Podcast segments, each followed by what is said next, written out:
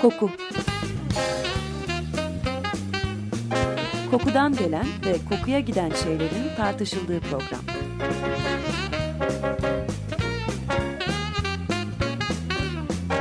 Hazırlayan ve sunan Vedat Ozan 5 yıl sonra tekrar.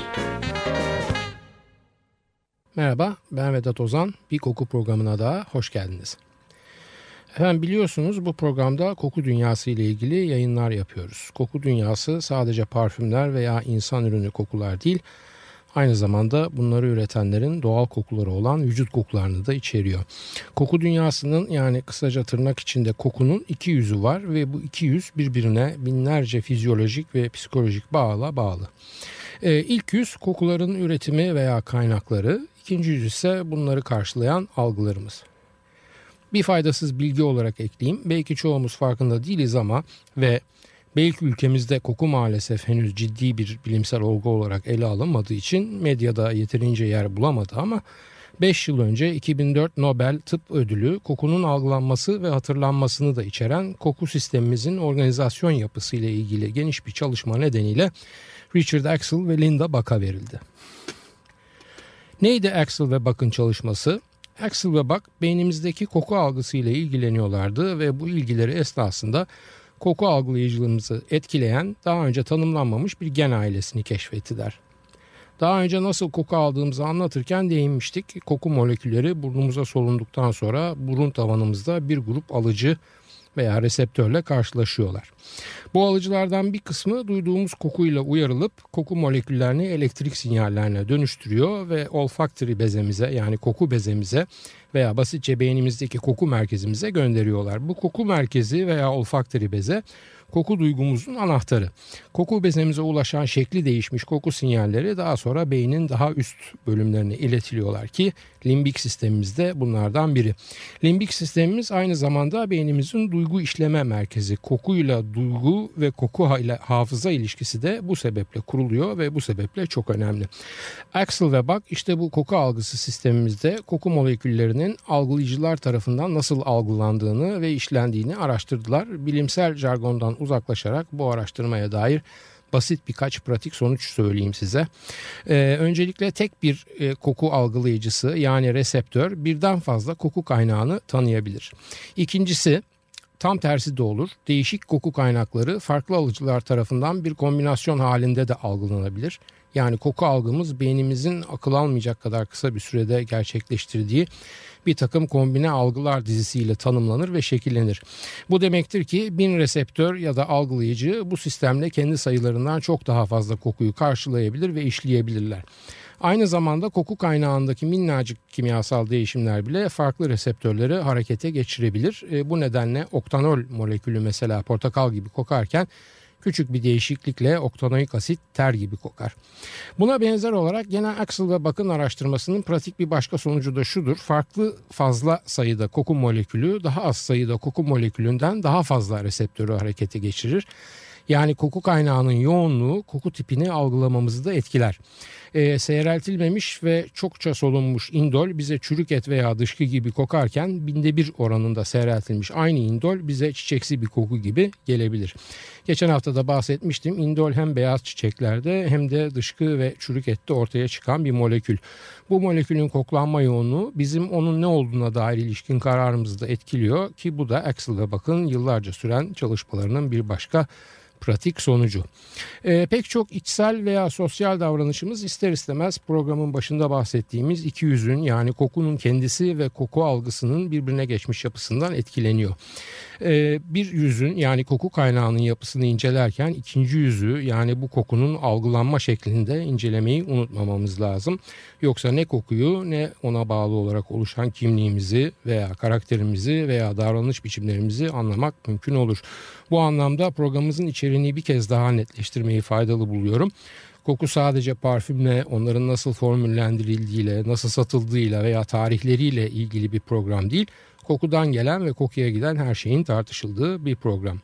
Ee, geçen hafta ter kokusunu inceledik kısaca ve bu program umduğumun da üstünde ilgi gördü. Bu hafta da ter kokusunun da bir parçası olduğu vücut kokularına devam edeceğiz. İşin başına dönelim isterseniz ve çocukla ebeveynler arasındaki koku ilişkisine bir göz atalım. Bebeklerin annelerini tanımalarında duygusal bağların dışında da bir şey olmuş olmalı ki doğumdan çok kısa bir süre sonra annelerini tanımaya başlıyorlar. Bu tanıma doğumdan sonraki 3 saatten de kısa bir sürede gerçekleşiyor ve bu kısacık süre anlamlı ve mantıklı bir duygusal bağ oluşumunu açıklamak için oldukça kısa bir süre. Peki o zaman bebekler annelerinin kim olduğunu nasıl öğreniyorlar ve bu öğrenme nasıl oluyor da bu kadarcık bir kısa sürede gerçekleşebiliyor? Tam bu soruyu sorduğumuz anda koku faktörü devreye giriyor cevapta. Çünkü anne kokusu ile bebek kokusu çok fazla birbirine benziyor. Bebeğin içinde 9 ay süre geçirdiği geçici evi amniyotik sıvı yani. Hem anneden hem de bebekten kaynaklı kimyasal oluşumlar içeriyor. Hemen doğumdan çıkmış bir annenin üzerinde de kaçınılmaz olarak bu amniyotik sıvının kokusu var. Birkaç saatlik bir bebekte doğal olarak herhangi bir amniyotik sıvı kokusuna yönelik de ilgi elbette var. Çünkü tanıdık gelen bir koku bu. Şunu unutmayalım ki koku hafızasıyla kokulara verdiğimiz bilinçli veya bilinçsiz tepkiler direkt olarak birbirine bağlı. Bu anlamda baktığımızda bebeğin de koku hafızasında o anda mevcut tek bir koku olduğunu varsayabiliriz. Ee, hazır olarak annelerinin tenlerinde kokladıkları koku da bu hafızalarında yer alan tek ve güçlü koku olan amniyotik sıvı kokusu. Yeni doğmuş bebeğin annesiyle teyzesini veya halasını ayırabilmek için bir de bu kokuyu taşıyan anne vücudu ile direkt fiziksel temasa tabii ki ihtiyacı var. Bu nokta aynı zamanda meme ile beslenen ve biberonla beslenen bebekler arasındaki ilk farkında altını çiziyor.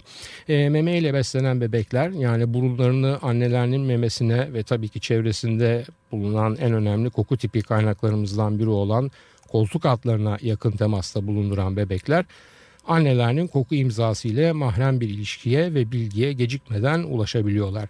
Buna mukabil biberonla beslenen bebekler e, bu kadar fazla burun ten ilişkisi yaşamadıkları için anne kokusunu öğrenmeleri biraz daha fazla zaman alıyor.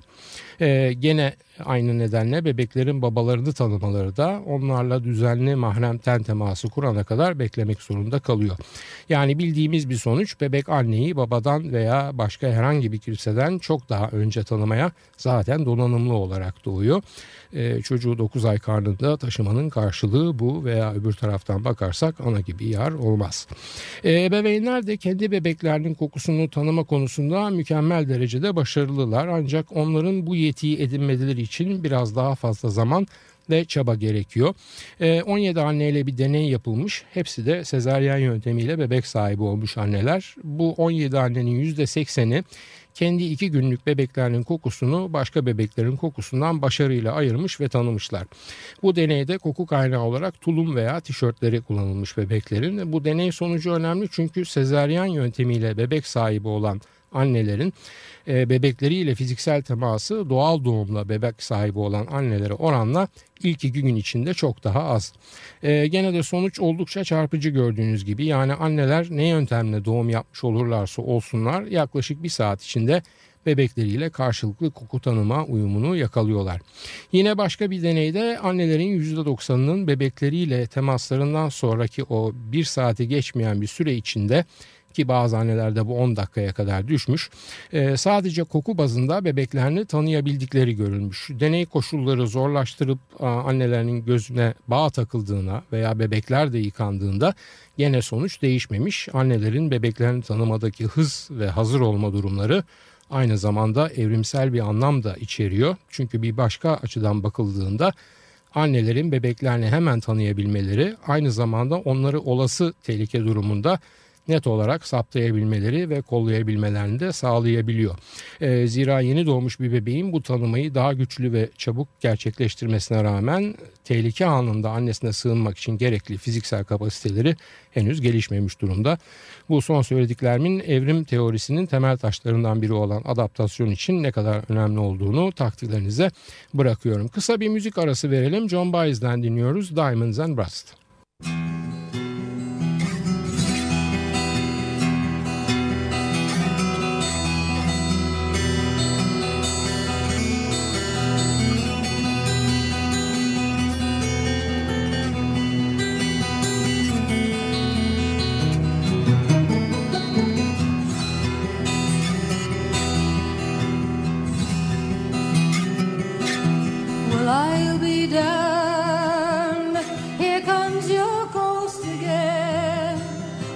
not unusual.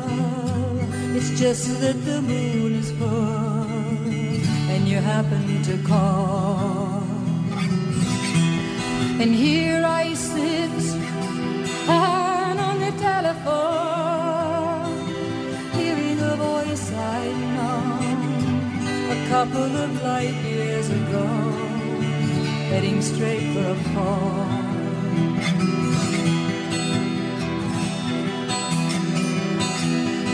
I remember your eyes were bluer than robin's eggs. My poetry lousy, you say. Where are you calling from? A booth in the Midwest. Twenty years ago, I bought you some cufflinks. You brought me something. We both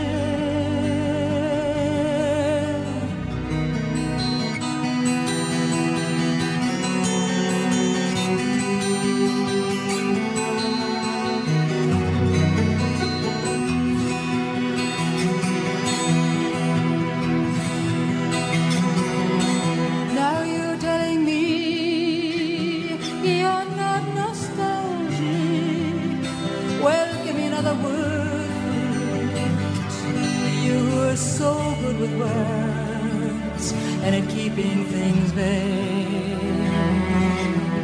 Cause I need some of that vagueness now. It's all come back too clearly.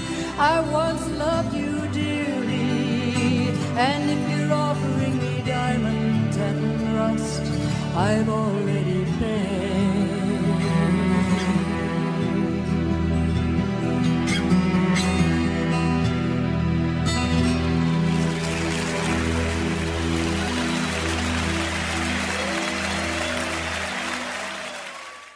Açık Radyo 94.9 Koku programındayız. John Baez'den dinledik Diamonds and Rust.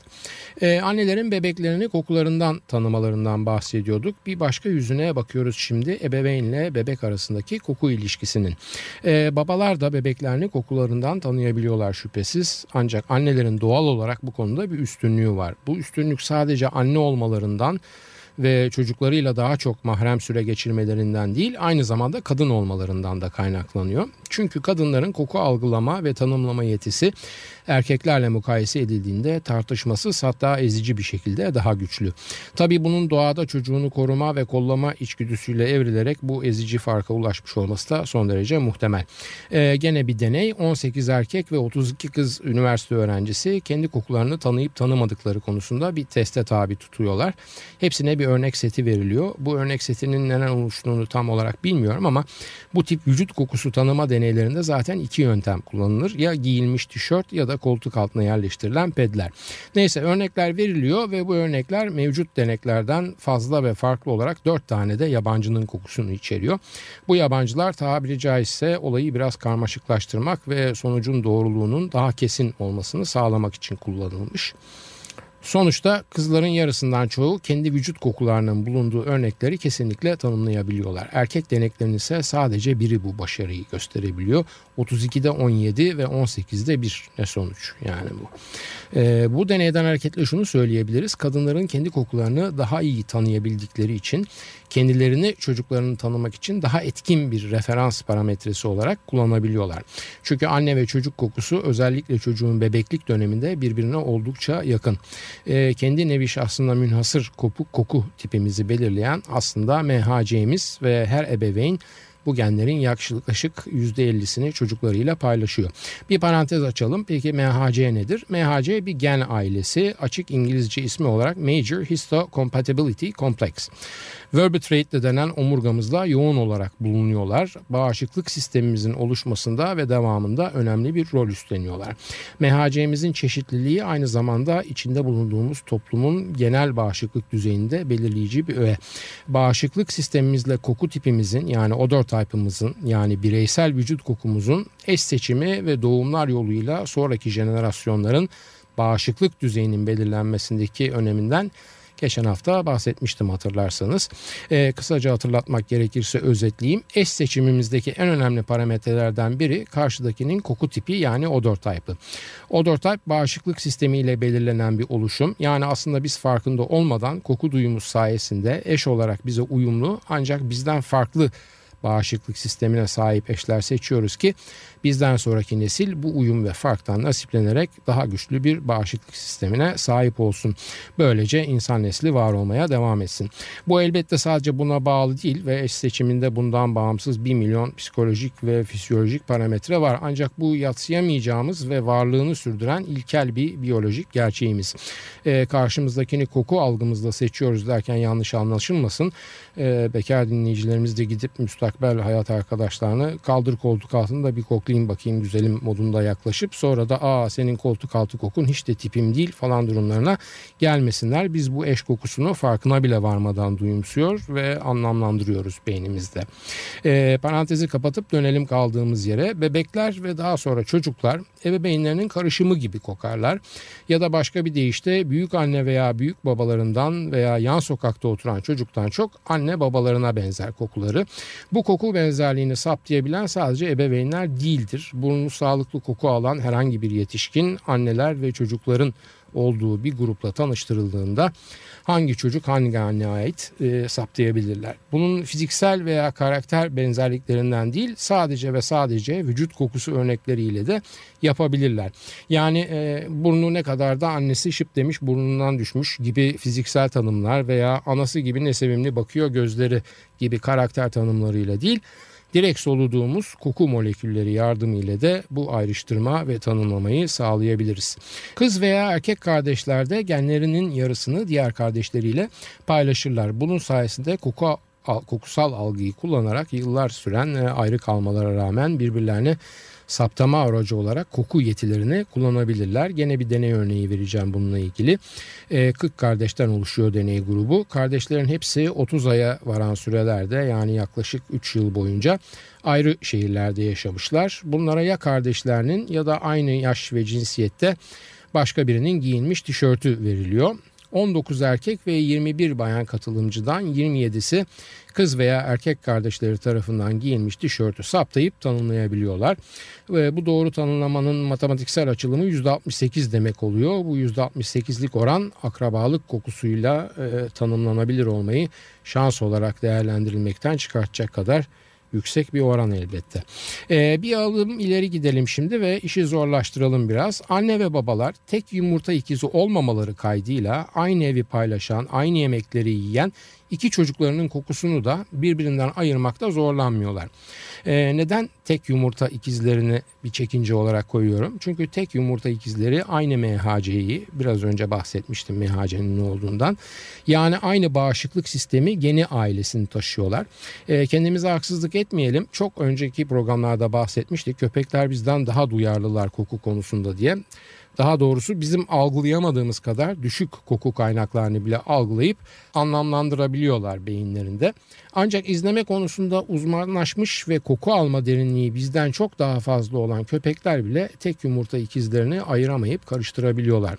Aslında beslenme alışkanlıkları e, aile üyelerinizi tanınmakta kullanılabilecek kaba bir ayraç olabilir tabi. Et ve patatesle beslenen bir ailenin üyelerinin kokusu elbette köri baharatları ve sarımsak yiyen bir ailenin üyelerinden farklı oluyor. Ancak ortak beslenme alışkanlıkları ve aynı ev koşulları bir noktaya kadar önemli. Zaten bunun için kaba bir ayraç olabilir dedim. Zira karı ve kocalar aynı evi paylaşsalar ve aynı besinleri tüketseler bile genetik olarak benzeşmedikleri için çok benzer kokmayabilirler. Zaten başkaları da onların benzer kokmadıklarına tanıklık edebiliyor. Çünkü yapılan kör testlerde koklayıcılar e, giyilmiş karı koca tişörtlerini birbiriyle eşleştirmekte başarısız olmuşlar. E, yabancı koklayıcılar karı ve kocayı kokularından eşleştirememiş olabilir. Ancak karı koca birbirlerini veya yakın arkadaşlar birbirlerini veya sevgililer birbirlerini yani kısaca yakın ancak genetik ilintisi bulunmayan çiftler birbirlerini kokudan tanıyabiliyorlar. Yabancı kişilerin değil yakın kişilerin bunu yapabilme sebebi öğrenilmiş tanıdıklık duygusu ile ilgili. Yani uzun süren e, fiziksel yakınlık veya ortak yoğun yaşam deneyleri paylaşımları insanlara birbirlerinin kokusunu öğretiyor. Ancak eğer beslenme alışkanlıklarında bir değişiklik veya bir hastalık, bir ilaç kullanımı, yeni ve kuvvetli bir parfümü kullanmaya alışkanlık edinmek gibi şeyler kişinin koku profilinde etkileyen unsurlar. Böyle bir durum tanış çiftlerden biri farkında olmadan gerçekleşirse bu yakın olanı tanıma olayını elbette biraz zayıflatıyor. Ee, çok fazla deneyden ve biyoloji ile psikolojiden bahsettik. Kapanışa yaklaşırken konuyu biraz daha hafifletip rahatlatalım istiyorum. Evet e, narince kokuları ve parfümler net olarak söyleyeyim. Narince kokuları olmasa parfümlerimizde büyük bir eksiklik olurdu. Ee, bir yazıda okuduğum bir tarifle tuzu olmayan bir yemek veya vurucu cümlesi atlanmış bir komik fıkra gibi.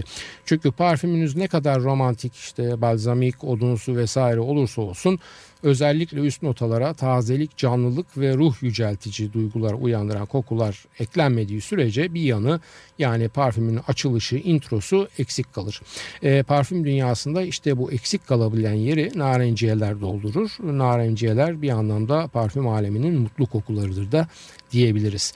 E, bergamot, limon, grapefruit, e, yeşil limon veya lime, e, mandalina ve acı portakal en çok kullanılan narenciyelerdendir. Ancak bunların içinde de bergamot ve limon diğerlerine oranla çok çok daha fazla kullanılır. Bu listenin dışında da narenciyeler var elbette parfüm formüllerinde kullanılan tatlı portakal veya kumkuat veya clementin veya yuzu gibi. E, koku formülleri içinde en önemli narenciye bergamot olmasına rağmen bergamot daha çok fine fragrances veya parfümleri etkilerken limon evlerde kullandığımız pek çok temizlik sıvısı veya tozu dahil işlevsel ürünlerde daha çok hayat bulur ve toplamda daha fazla sarf edilir. Sebep sebep çünkü ekşi enerjik bir kokusu vardır ve bu bize hem hijyen hem de tazelik çağrıştırır. Zaten bir temizlik ürünü kokusunda da en başta aranan özelliklerden biri bu enerjik hijyen duygusunu uyandıracak notalardır. Elbette limon kokusu sadece parfüm veya işlevsel ürünlerle sınırlı kalmaz. Aynı zamanda içecekler başta olmak üzere pek çok gıda maddesinde de yer alır. Kokusu en meşhur limon Sicilya'da yetişir. Hatta pek çok parfüm tanıtım bülteni veya reklamında illa Sicilya'nın o eşsiz limonları falan gibi bir takım tanımlar görürsünüz sayılan içerik maddeleri arasında. Limonun ya kabuğundan ya da bütün olarak meyvesinden limon esans yağı üretilir ve bu kullanılır limon kokusunu vermek için. E, gönlüm içinde limon kullanılan parfümleri de saymayı isterdi size ama hem onlar sayılamayacak kadar çok hem de süremizin sonuna geldik. Gene de aklıma gelen 3-5 limonlu parfüm örneğini hemen sayayım. E, her içerik maddesine örnek verme geleneğimiz bozulmasın. En başta tabii kolonya var. E, bizde farklı bir kültür içinde algılanan e, ancak Avrupa'nın da ilk alkol bazlı parfümlerinden biri sayılabilen kolonya, o da kolonya. E, sayabileceğim ve aklıma gelen diğer örnekler Burberry Beat, e, Chanel Allure, Dior Eau Sauvage, Guerlain Jiki, e, Hermes Kaleş ve Kenzo Tokyo. Evet efendim biraz aceleye gelmiş gibi bitti ama bugün de vaktimizin sonuna geldik. Soru, öneri ve eleştirileriniz için e-posta adresimizi tekrar ediyorum. kokuprogrami.yahoo.com Ben Vedat Ozan, radyonuz kokusuz kalmasın sevgilerimle.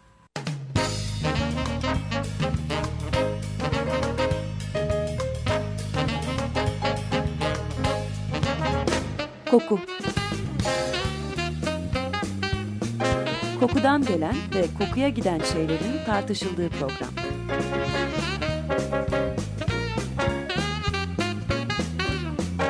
Hazırlayan ve sunan Vedat Ozan 5 yıl sonra tekrar. Açık Radyo program destekçisi olun.